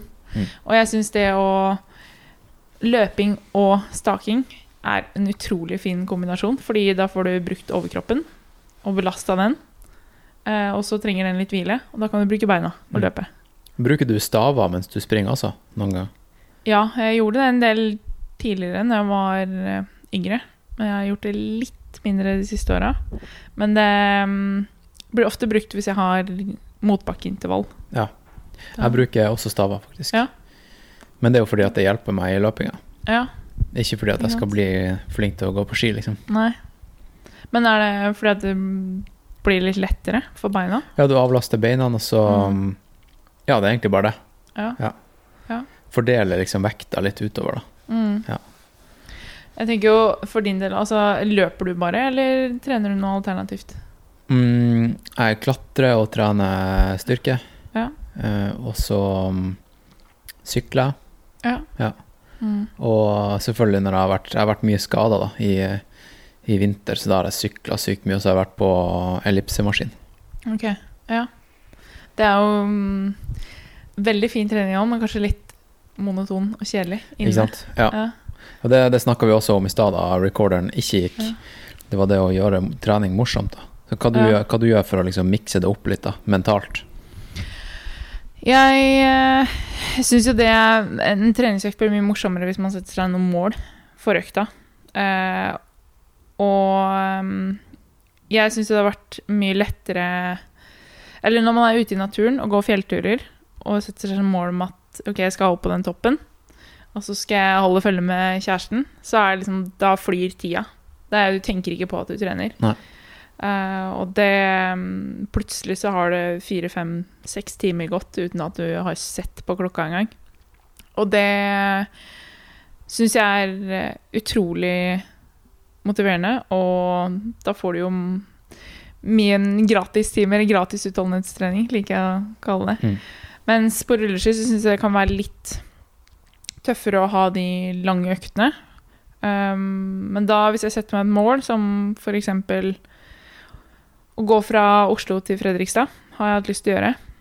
Og da blir jeg med en gang mer motivert, fordi det blir litt sånn prosjekt Ja, som jeg har. Da er du på mission, ikke ja. på, på trening. Nei, så det, det er ikke bare ute for å fokusere på staketeknikk og bli bedre, Nei. men jeg gjør noe annet samtidig. Som Ja, det er en ja, mission, rett og slett. Ja, hvor du rett og slett glemmer litt klokka og at du er på trening. Hvorfor eh, Fredrikstad? Fordi jeg har en søster som bor der, Okay. så da tenkte jeg at da kan hun kjøre meg hjem etterpå. Ja, ok. Hvor lang tid tar det å, å stake til Fredrikstad? Det er 100 km, så um, det kommer litt an på hvor mye klundrer på ruta, om jeg treffer. Men jeg regner med ja, hva si det Seks-sju timer, kanskje. Fordi i ultraløping, da, det, det, det er jo en greie at vi, vi får jo ikke trent på distansen vi skal gjøre i konkurranse. Nei. Så veldig ofte, i hvert fall. Mm. Eh, Så vi, jeg springer jo ikke 100 km i trening på ei økt fordi jeg skal gjøre 100 km på, i konkurranse. Mm. Men eh, hvis du staker i 100 km, da staker du jo lenger enn konkurransen. Noen konkurranser, i hvert fall. Ja, ja.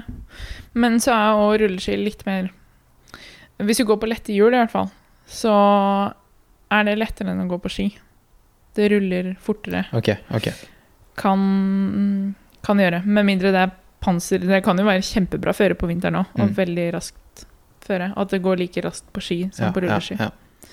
Men jeg tenker at rulleski må jo være en ypperlig trening for ultraløpere òg. Fordi i hvert fall hvis du går et sted hvor det er kupert, så får du brukt beina ganske mye eh, i motbakkene Ja. når du går diagonal. Ja. Så for eksempel opp og ned Grefsenkollen for deg, da. Eh, som- På rulleski. På rulleski. Men hva, hva skal jeg gjøre nedover bakkene? Eh, da, Hvordan, hvordan bremser du? Ja, hei, hvordan du bremser. Det, det er egentlig litt som å bremse på ski. Ploge, liksom? Ploge, ja. Bare eh, håper å si, spre beina, og så trykke beina ned mot rulleskia. Presse utover. Gå, gå, kanskje man kunne tatt og, og gått på rulleski opp og så løpt ned? Ja, det hadde jo vært en Tatt dem på ryggen. kjempe- Ja. Det hadde jo kanskje vært enda bedre. Og mer, da får du spesifikk trening samtidig. Da. Mm. Så jeg kunne like gjerne løpt opp, da. Ja. ja. ja, men uh, du får en litt annen belastning på beina Ja. oppover da. Ja. Og så Eller at du går et sted hvor det er mer kupert. For eksempel i Maridalen, gå Greverunden. Hva er det? Greverunden, det er en um, Ja, en, asfalt, en asfaltert runde i Maridalen som er ca. Hvis ikke jeg tar helt feil, ca. 10 km. Okay. Og den er jo Der har du en del motbakker og litt nedoverbakker som du fint bare kan kjøre rett ned. Og så, så kan du gå kontinuerlig rundt og rundt og både få brukt beina og avlasta beina litt med å bruke overkroppen litt.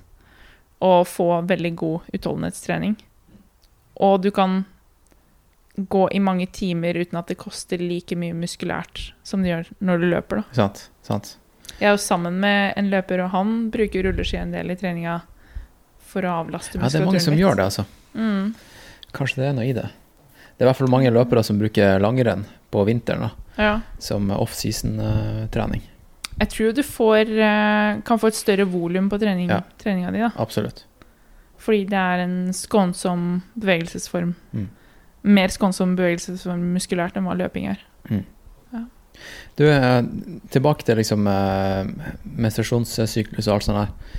Eh, jeg, jeg tenkte jo kanskje før vi startet samtalen at vi skulle komme fram til noen sånne eh, hacks man kunne gjøre for å bruke syklusen til sin fordel. Men hvis du må prestere på, på, en, på en gitt dato, så er det, det er ikke noe, noe vei utenom. Bortsett fra å bruke p-piller. Det er liksom ikke sånn at du kan bestemme ut fra syklusen din når du skal konkurrere. Nei. Datoen er som regel satt, og så blir syklusen som den blir i den, på den datoen. Um, så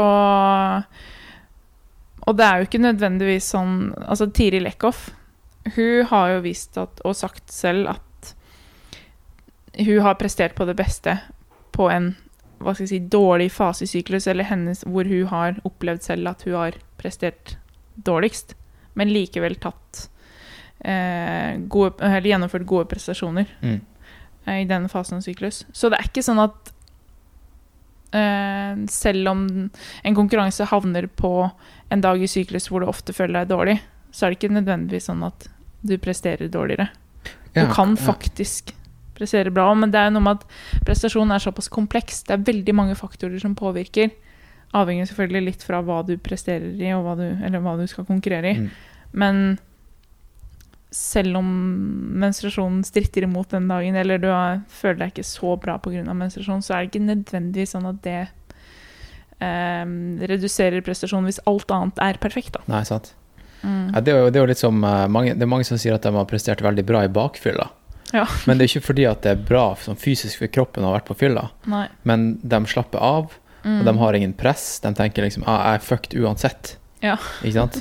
Så la oss bare gjøre det beste ut av det. Mm. Og så bare på grunn av det mindsettet, så gjør de det bra. Ja. Kanskje det er litt eh, der også. Ja, Absolutt, det kan være det. At man Så- bare ja, man tenker, tenker bare 'fuck it'. Ja. Man bare um, Man senker forventningene til seg selv litt, kanskje, da. Mm. Mm. Og så plutselig bare går det veldig bra Ja, ja. Så nei, jeg har ikke noe sånn derre gulltips til alle jenter der. Eh, det um, Gulltipset er rett og slett prøv deg fram, bli kjent med syklusen din. Trives du med det? Fortsett med det.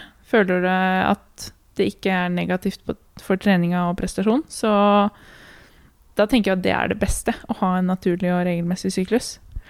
Føler du at den hemmer deg mye, så eh, må man vite at det finnes alternativer der ute. Mange forskjellige prevensjonsmidler som går an å teste ut.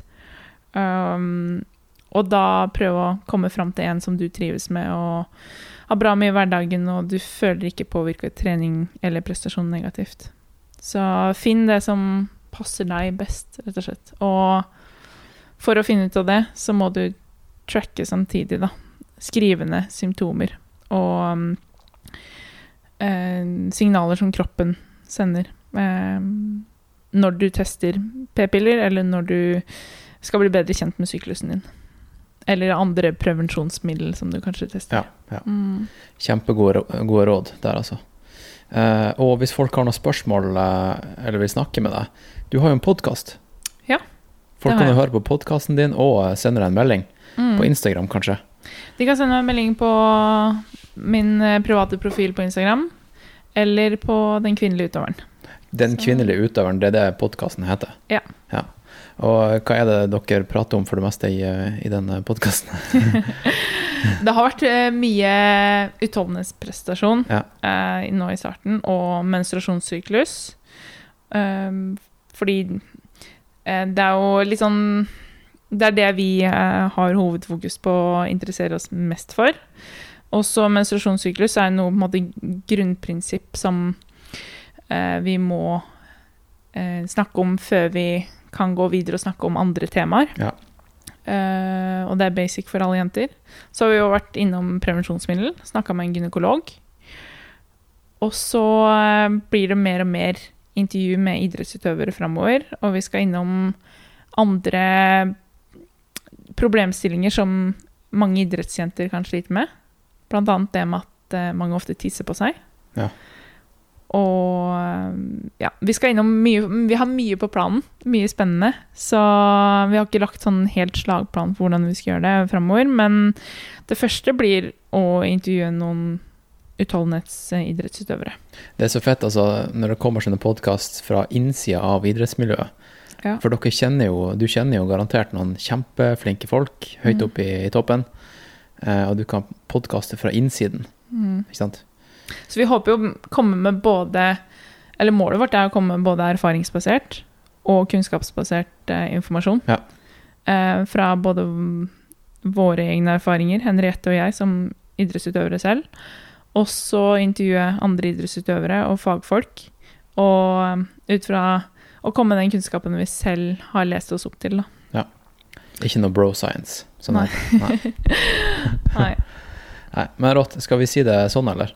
Ja. Så kanskje du, du kommer tilbake en eller annen gang. Eh, kanskje etter at du har eh, eh, gjort det veldig bra i et løp i vinter, kanskje. Det kan være. Det det fett. og eh, nå har jeg funnet ut noe gjennom masteren. Jeg, forhåpentlig så vet jeg mye mer om et halvt år Ikke sant? når det gjelder uh, utholdenhetsprestasjon og styrkeprestasjon i ulike faser av menstruasjonssyklus. Mm. Mm. Mm. Tusen takk for at jeg fikk komme. Jo, eh, gleden var på min side. Mm. Er det da du sier han Ja, jeg skal akkurat Ja, si det. jeg, jeg, jeg har fått med meg det, skjønner du. Over og ut. Ja, Roger og Knut.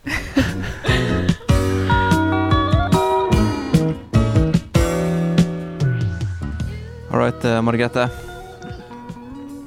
Da har, Ja? da har lytteren hørt praten med ho Gina. Hva, hva du tror en, eh, en mann sitter igjen med etter å ha hørt praten? For det er, jo, det er jo ikke bare interessant for kvinner der. Nei, og det er jeg litt glad for at du sier, for du nevner jo òg i podkasten at um, du, Hvis jeg husker rett, at du tror at dette òg er ganske vanlig, og da tenker jeg på Reddes uh, hos uh, menn. Ja, ja. Uh, og det tror jeg òg. Og jeg syns det er interessant med tanke på at det er en del, og det gjelder både menn og kvinner, eh, som kommer inn i sporten og så gjør det veldig bra, og så plutselig så forsvinner de. Og det Nå har ikke jeg noen fasit på det, men det hadde vært interessant å visst om det har en sammenheng med dette å gjøre. Og jeg vil tro at ikke alltid, men at i noen tilfeller så så henger det sammen, da.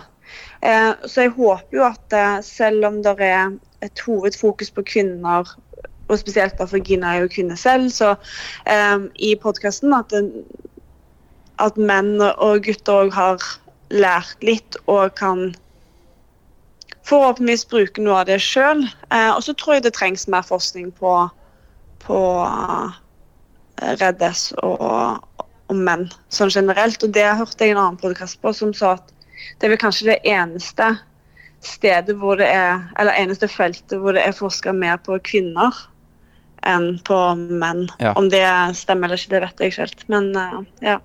Ja. Tror du kanskje at, eh, at eh, det begrepet vi kaller, eller det vi kaller for overtrening, kanskje ofte er Red S? ja. Personlig tror jeg det. Ja. Uh, mm. At det ikke er mengden trening som bryter ned utøveren, men det er energitilgjengelighet, og egentlig at man ikke klarer å fòre nok i forhold til hvor mye man trener. Ja. Ja. Og jeg har personlige erfaringer med det fra tidligere av, eh, hvor eh, det blir kalt overtrening. Men eh, sånn som nå i etterkant, når jeg kan litt mer, så er jeg ganske sikker på at hadde jeg spist mer, så hadde, hadde det gått bra. Mm. Mm. Mm. Tror, du, tror du at hvis du ville spist annerledes, ville gått bra? At det ikke bare er mer, men eh, at, det- at det på en måte Men annerledes. Ja, hva du spiser. Har du, har du vært inne Ja, det- noe, det noe restriksjonsbasert eh, kosthold, eller? Er det dietter?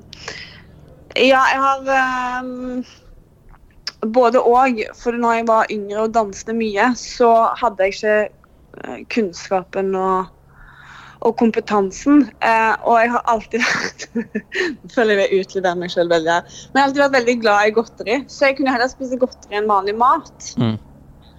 Mm. Eh, og så husker jeg da når jeg studerte dans, var 18 år og hadde akkurat flyttet til Oslo, at det var en, vi hadde en ernæringsfysiolog som besøkte oss noen få ganger, hvor jeg sa liksom bare det. Jeg tenkte ikke over at det var galt. Hvor hun dro meg til siden etterpå, og hvor hun tok en liten sånn alvorsprat med meg og var du er nødt til å spise Altså, du må heller spise skiver og, og med forskjellig pålegg enn å drive og spise godteri. Men jeg skjønte det ikke på det tidspunktet. Eh, så ja, i forhold til annerledes, det tror jeg. Eh, og så tror jeg jeg har en annen episode hvor det òg hadde ikke samme kompetanse, men hvor jeg bare ikke fikk i meg Jeg økte treningsmengden betraktelig, og så fikk Mm. jeg ikke i meg nok. Mm. Ja, det er tricky, tricky tema det der. Men, um, men det er, det er viktig, viktig, å snakke, viktig å snakke om det. Ja, det er det. Jeg Ja. tror at det er vanskelige temaer, eh, og det trenger ikke være vanskelig heller. Det, akkurat det her kan jo være begge deler. Da. Det kan jo handle om mer enn at man bare ikke får i seg mat. Altså, det tenker jeg på noen spiseforstyrrelser, men det kan òg handle bare om at man, man tror at man får i seg nok, og Ja, så gjør man ikke det. Ja. Og så tror jeg at vanskelige temaer bør prates om. Det blir ikke bedre av å ikke prates om. Ja, det er mange, mange tema som, eh, som er vanskelig å ta opp. Um, jeg vet ikke um, eh, ja, vet du hva? Vi, vi, eh, vi, skal jo ikke, vi skal ikke spoile alt, siden vi skal drive og prate i masse podkaster framover. Så trenger vi ikke ta opp alt her og nå. Men jeg, kan jo, jeg kan jo fortelle deg da, og lytteren hva det er slags podkast som, som kommer, da. Eh, jeg og Patrick vi spilte inn eh, ja, første halvdel av en sånn Q&A-episode i går, da. Der vi tok imot eh, spørsmål fra Patrion-lyttere. Mens vi gikk inn til Chamonix, da. Så, så det kommer. Det er masse Der er det mye sånn her basic utstyrsnerding og, ernæring og, og synsing og, og, og sansing. Eh, og så mm, og så spilte jeg inn en episode med Honold Foundation i går kveld. Der jeg ringte okay. rett og slett eh, Har du hørt om dem? Nei. Det er jo den der eh, organisasjonen som han Alex Honnold starta. Okay, I I ja. 2012. Det, jeg tror han snakka om det i Free Solo, fordi at um, han, han drev jo da og, eh, og bodde i en van, ikke sant? Mm. Uh, og eh, han begynte å donere en tredjedel av inntekten sin til uh, veldedighetsorganisasjoner. Og, Ja, det stemmer det. og uh, brukte veldig mye tid da, på å finne ut hvem han skulle gi pengene sine til. Uh, så han bestemte seg egentlig da for å bare i hele- altså, heller bare ansette folk til å ta seg av det her. Ikke sant? Uh, og, okay, og det ble ja. Honda Foundation. Og der det er stort fokus på, på um, hva det heter, solar, altså solcellepaneldreven Ja. Mhm. teknologi. Ikke sant? Sånn som eh, kanoer i, i Amazonas som er solcelledreven, så slipper man liksom å, å bruke um, dieseldrevne motorer. Eh, genialt. Og um, Ja, det er jeg enig i. Mm. Så eh, vi har jo da donert i hver måned i to år i strekk nå. Så har jo jeg og flere patrions donert ca. mellom 600 og 1000 spenn i måneden til uh, Honda Oi, Foundation. bra. Ja. Og, um, så jeg ble, jeg ble, ble kontakta av dem da. Og for et par måneder siden. De bare lurte på hvem er, hvem er Neda? Hvem er du, liksom? Som driver og chipper inn hver måned. Og da, da bestemte vi at vi skulle bare ta en prat. Og snakke om prosjektene. Så det, det kommer. Uh, og så uh, Skal vi se her, da. Jo, jeg spilte inn en episode med han som eh, tok ny rekord på Ersfjordtraversen. Hvem er det? En som heter Stian Hallén. Ja. Mm. En, eh, en søring som bor i Nord-Norge. Så um, det er jo interessant. Er det han eh, kjappe? Eh, Han heter Det er ikke han Stian Dahl Sommerseth. Nei. Nei, OK. Han Nei. her, han er, han er lege og bor i Tromsø. Eh, og har en Instagram-konto som jeg har lagt merke til har skifta navn. Den het egentlig Slappa litt, da. Slappa litt, slappa litt, da. Eh, Ja, ja, Følger du dem? ja. ja. Ja. Eh, Lenge. Stemmer det. Ja. Mm. Men de heter Ja. nå Stian Mm. og et eller annet. Det som kona heter. Så, så den praten Jeg burde kommer. visst det, for jeg følger henne òg. Mm. Ja. Jeg må bare si at det er jo ehm, Det er vanskelig å henge med om dagen, men det er jo fett, fordi det er så mange som gjør så mye rå ting. Jeg vet. Uh, så det er kult at du tar en uh, Du gjør det enklere for oss å få henge med. Ja, så, så Jeg har jo ikke tid til å drive og ringe alle som har gjort drøye ting, eller vunnet alle løp, eller, eller sånt, da, men uh, jeg prøver i hvert fall å dekke litt av det. Mm. Men du har jo løpt litt i år. Du sa du hadde løpt uh, Sansenja, men jeg så deg jo på stranda. Løp du stranda? Ja, jeg, nei, jeg gjorde ikke det fordi at den foten uh, var en må Jeg visste at det var litt risky, for det var en måned imellom Senja og Stranda, og Stranda er jo sånn som Cole sa, brutalt og vakkert. Det er jo kanskje Altså, det er veldig mange løp i Norge som driver og kaster rundt Norges tøffeste løp. Men Stranda er jeg ganske sikker på har i hvert fall Norges tøffeste 100 km. Mm. Den er eh, vilt teknisk og vilt bratt. Eh, 7000 høydemeter på, på 100 km. Ja. Eh, så det å stille med en fot som ikke var helt happy, det var ikke et eh, det var ikke et option, Det, faktisk. det er ikke vits, altså. Nei, det er ikke det. Eh, og såpass har jeg lært. Ja. Så hadde du spurt meg når jeg starta, så hadde jeg kanskje stått på startstreken. Men eh, man lærer jo heldigvis litt. Ja. Mm. ja, og det skjer jo ting i Chamonix her straks. Ja, det blir spennende. Følg med på. Den episoden her kommer ut på lørdag den eh, Skal vi se Lørdag 20, 21. august. Og det er jo da tre dager før jeg skal løpe TDS. Ja. Eh, og eh, han Patrick skal løpe CCC, som er på fredagen. Stemmer det. Eh, Og Mm. mm, det er mange nordmenn her nede som eh, kommer til å løpe. Så- Jeg gleder meg til å følge alle løpene. Uh, og jeg syns det blir spennende å følge dere to, og Runar og Molly spesielt. Det Ja, ikke sant. Halvard Mm. Sjølberg kommer også ned. Ja, hvilken distanse skal han, Han skal løpe ut springe? UTMB. Ja, spennende. Har du løpt noen av eh, løpene her? Eh, ja, nå føler jeg du bare får alle mine failure, men uh, ja, jeg har eh, løpt eh, TDS, og så måtte jeg eh, bryte fordi at jeg hadde et korsbånd som var delvis avrevet. Starta du med, med den skaden, eller eh, kom Ja. det? Mm, Nei, det, jeg startet med den skaden. Jeg visste at det var noe med korsbåndet, men jeg visste ikke hva.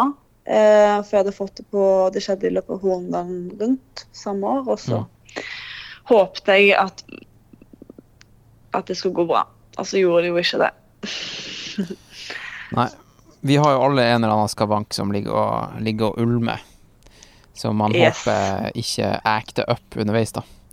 Så Jeg skal ikke spørre deg nå Nei, ikke gjør det. Ikke gjør det. Nei, ikke gjør det. Men Nei. eh, er det, er det DNF-et, så er det på grunn av den. Ja, Men, men, eh, det, men det skjer ikke. Det skjer ikke. Men jeg bare Nei. sier hvis, hvis det skulle vært tilfellet der jeg DNF-a, så er så er det derfor. Ja. Men det Nei, blir jævlig DNF artig. sitter langt inne for de fleste, tror jeg. Så mm. Jeg har, eh, så vidt jeg vet og husker, så tror jeg aldri, aldri jeg har DNF-a. da håper vi at det holder seg sånn. Hva var din første DNF? Oh, det tror jeg var andre året jeg løp Trans Gran Canaria 85, for det var en distanse før. Tror jeg er første gang. Da Satt det langt inne?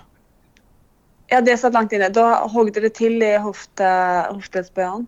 Um, og det skjedde ganske tidlig, og da prøvde jeg å, å løpe videre. Jeg prøvde å gå. På et tidspunkt så kunne jeg ikke gå verken opp eller ned. Um, så da hadde jeg ikke noe valg. Men, um, men det var veldig kjedelig. Da husker jeg ringte Sondre, for hadde jeg Sondre som coach. Og grein, tror jeg. Nei, men eh, vi kan jo Mhm. si det sånn da, Margrethe.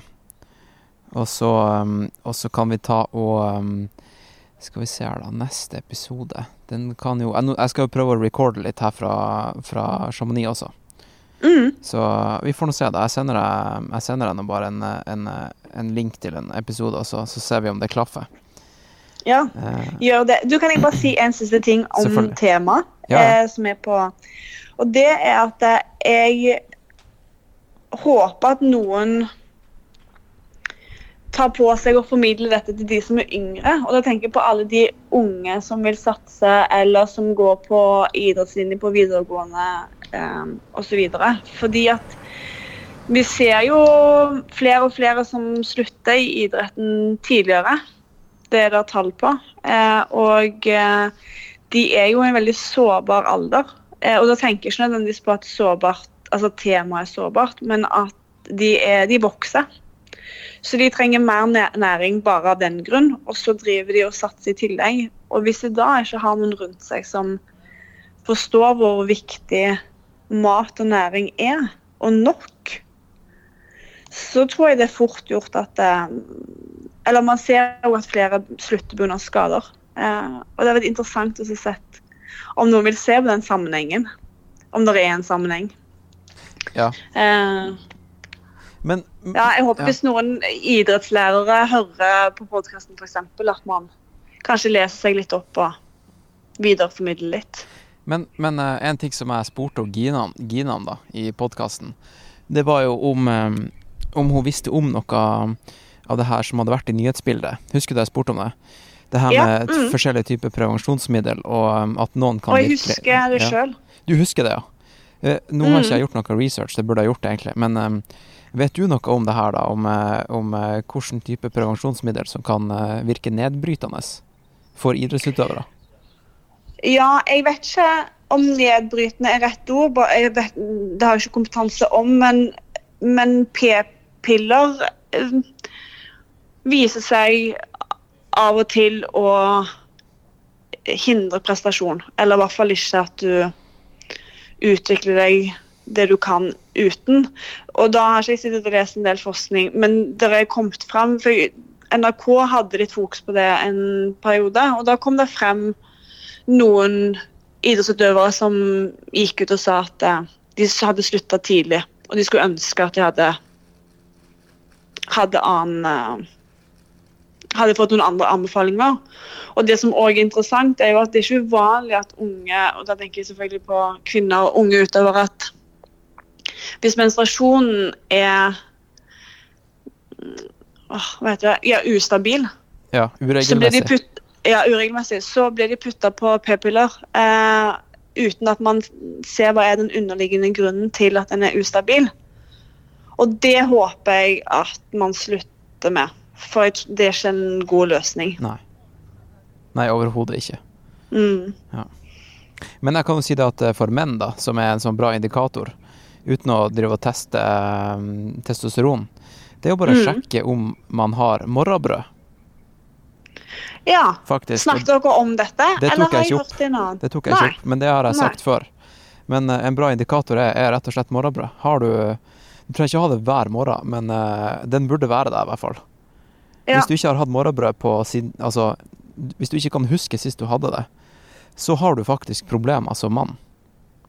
Og nå vet jeg ikke når, eh, jo- hvor gammel du skal være før eh, du stopper å få det pga. Liksom, alderdom, men um, du burde ha, ha det. Og hvis du driver med utholdenhetsidrett og, og ikke har noe ereksjon på morgenen, så, så burde du kanskje ta deg en liten pause og spise litt mer og bare se hva som skjer.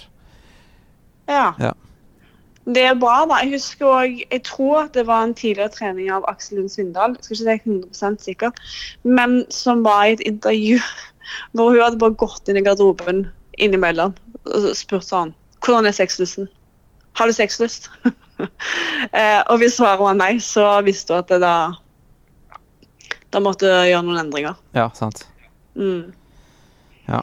Nei, så det er bra da, at det, det finnes noen tegn til, hos dere òg. Ja, og vi kan jo egentlig sjekke det hver morgen, mens dere må sjekke det en gang i måneden. Så det er faktisk Ja. enklere. Men uh, ja, bra. Ja. Ja. det blir spennende. Ja, det Se blir det. Mm. Alt blir spennende. Men da, da prates vi bare, Margrethe.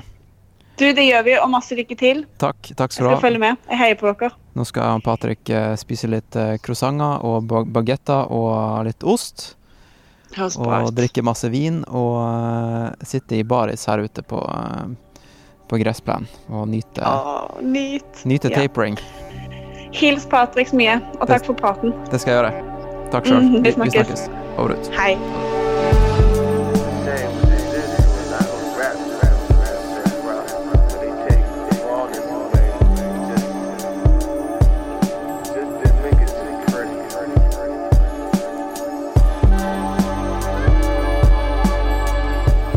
Right, eh, folkens. Takk for at dere hørte på denne episoden av podkasten.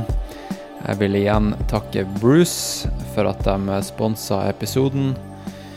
Eh, ta og Sjekk ut eh, Bruce på bruce.app. Det er altså nettsida. Eller bare søk på Bruce i eh, AppStore, så kan du eh, sjekke ut hvilket treningssenter i ditt nærområde som er en del av denne Bruce-pakka. Så må du huske å skrive 'neda' i eh, chatfeltet, så får du 50% avslag. All right, da sier vi det sånn, og så eh, tar vi og snakkes i neste episode av podkasten. Og hvis, eh, hvis du ikke får nok av Neda og kunne tenke deg å høre på mange hundre timer av Neda, eh, så kan jeg fortelle deg at, eh, at eh, det finnes faktisk veldig mange hundre timer med Neda på patreon.com slash nedaproject. Det er en crowdfundingsplattform som jeg bruker, og i starten av, eh, av eh, det prosjektet her så brukte jeg Patreon for å finansiere produksjonen av podkasten, og nå er det blitt en, eh, en måte der jeg faktisk Det er der jeg publiserer alle podkasts. Eh, Og for å få tilgang til podkastene, så må man rett og slett eh, betale for å høre på podkasten. Og det koster 109 kroner i måneden. 109 kroner, det er like mye som én pils, eller eh, to Morten Gels. Og for det så får du sånn cirka én episode i uka, på minimum én time, for å fuele din langtur på lørdager. Og jeg publiserte, skal vi se her da, på, på fredag forrige uke, så publiserte jeg en, eh, en episode som jeg gjorde fra UTMB da. Fra, eh, det var en fire timers lang episode med intervjuer med folk som eh, løp eh, UTMB, et UTMB-løp, enten det var TDS eller CCC eller UTMB. Og ja, inkludert han eh, vinneren faktisk av eh, TDS, Sebastian Krogvik. Eh, så um, ta nå og sjekk ut patreon.com slash nedaproject, og så hvis du liker ultraløping og friluftsliv, så tror jeg du kommer til å virkelig føle at du får mer enn nok bang for the buck. Det er faktisk folk som rapporterer om at jeg produserer for mye innhold, så de får faktisk ikke hørt på alt. Men det er nå et ganske stort ilandsproblem, tenker jeg da. Så eh, sjekk ut eh, Bruce, sjekk ut uh, patreon.com slash nedaproject, og så snakkes vi i neste episode på Patreon, fordi der publiseres det én episode i uka. Her på Spotify og iTunes så publiserer jeg egentlig bare når jeg føler for det, og når eh, det er overmodent å fòre algoritmene der ute. Så mm, ta nå og sjekk det ut, folkens, og så, så snakkes vi. OK? Over og ut.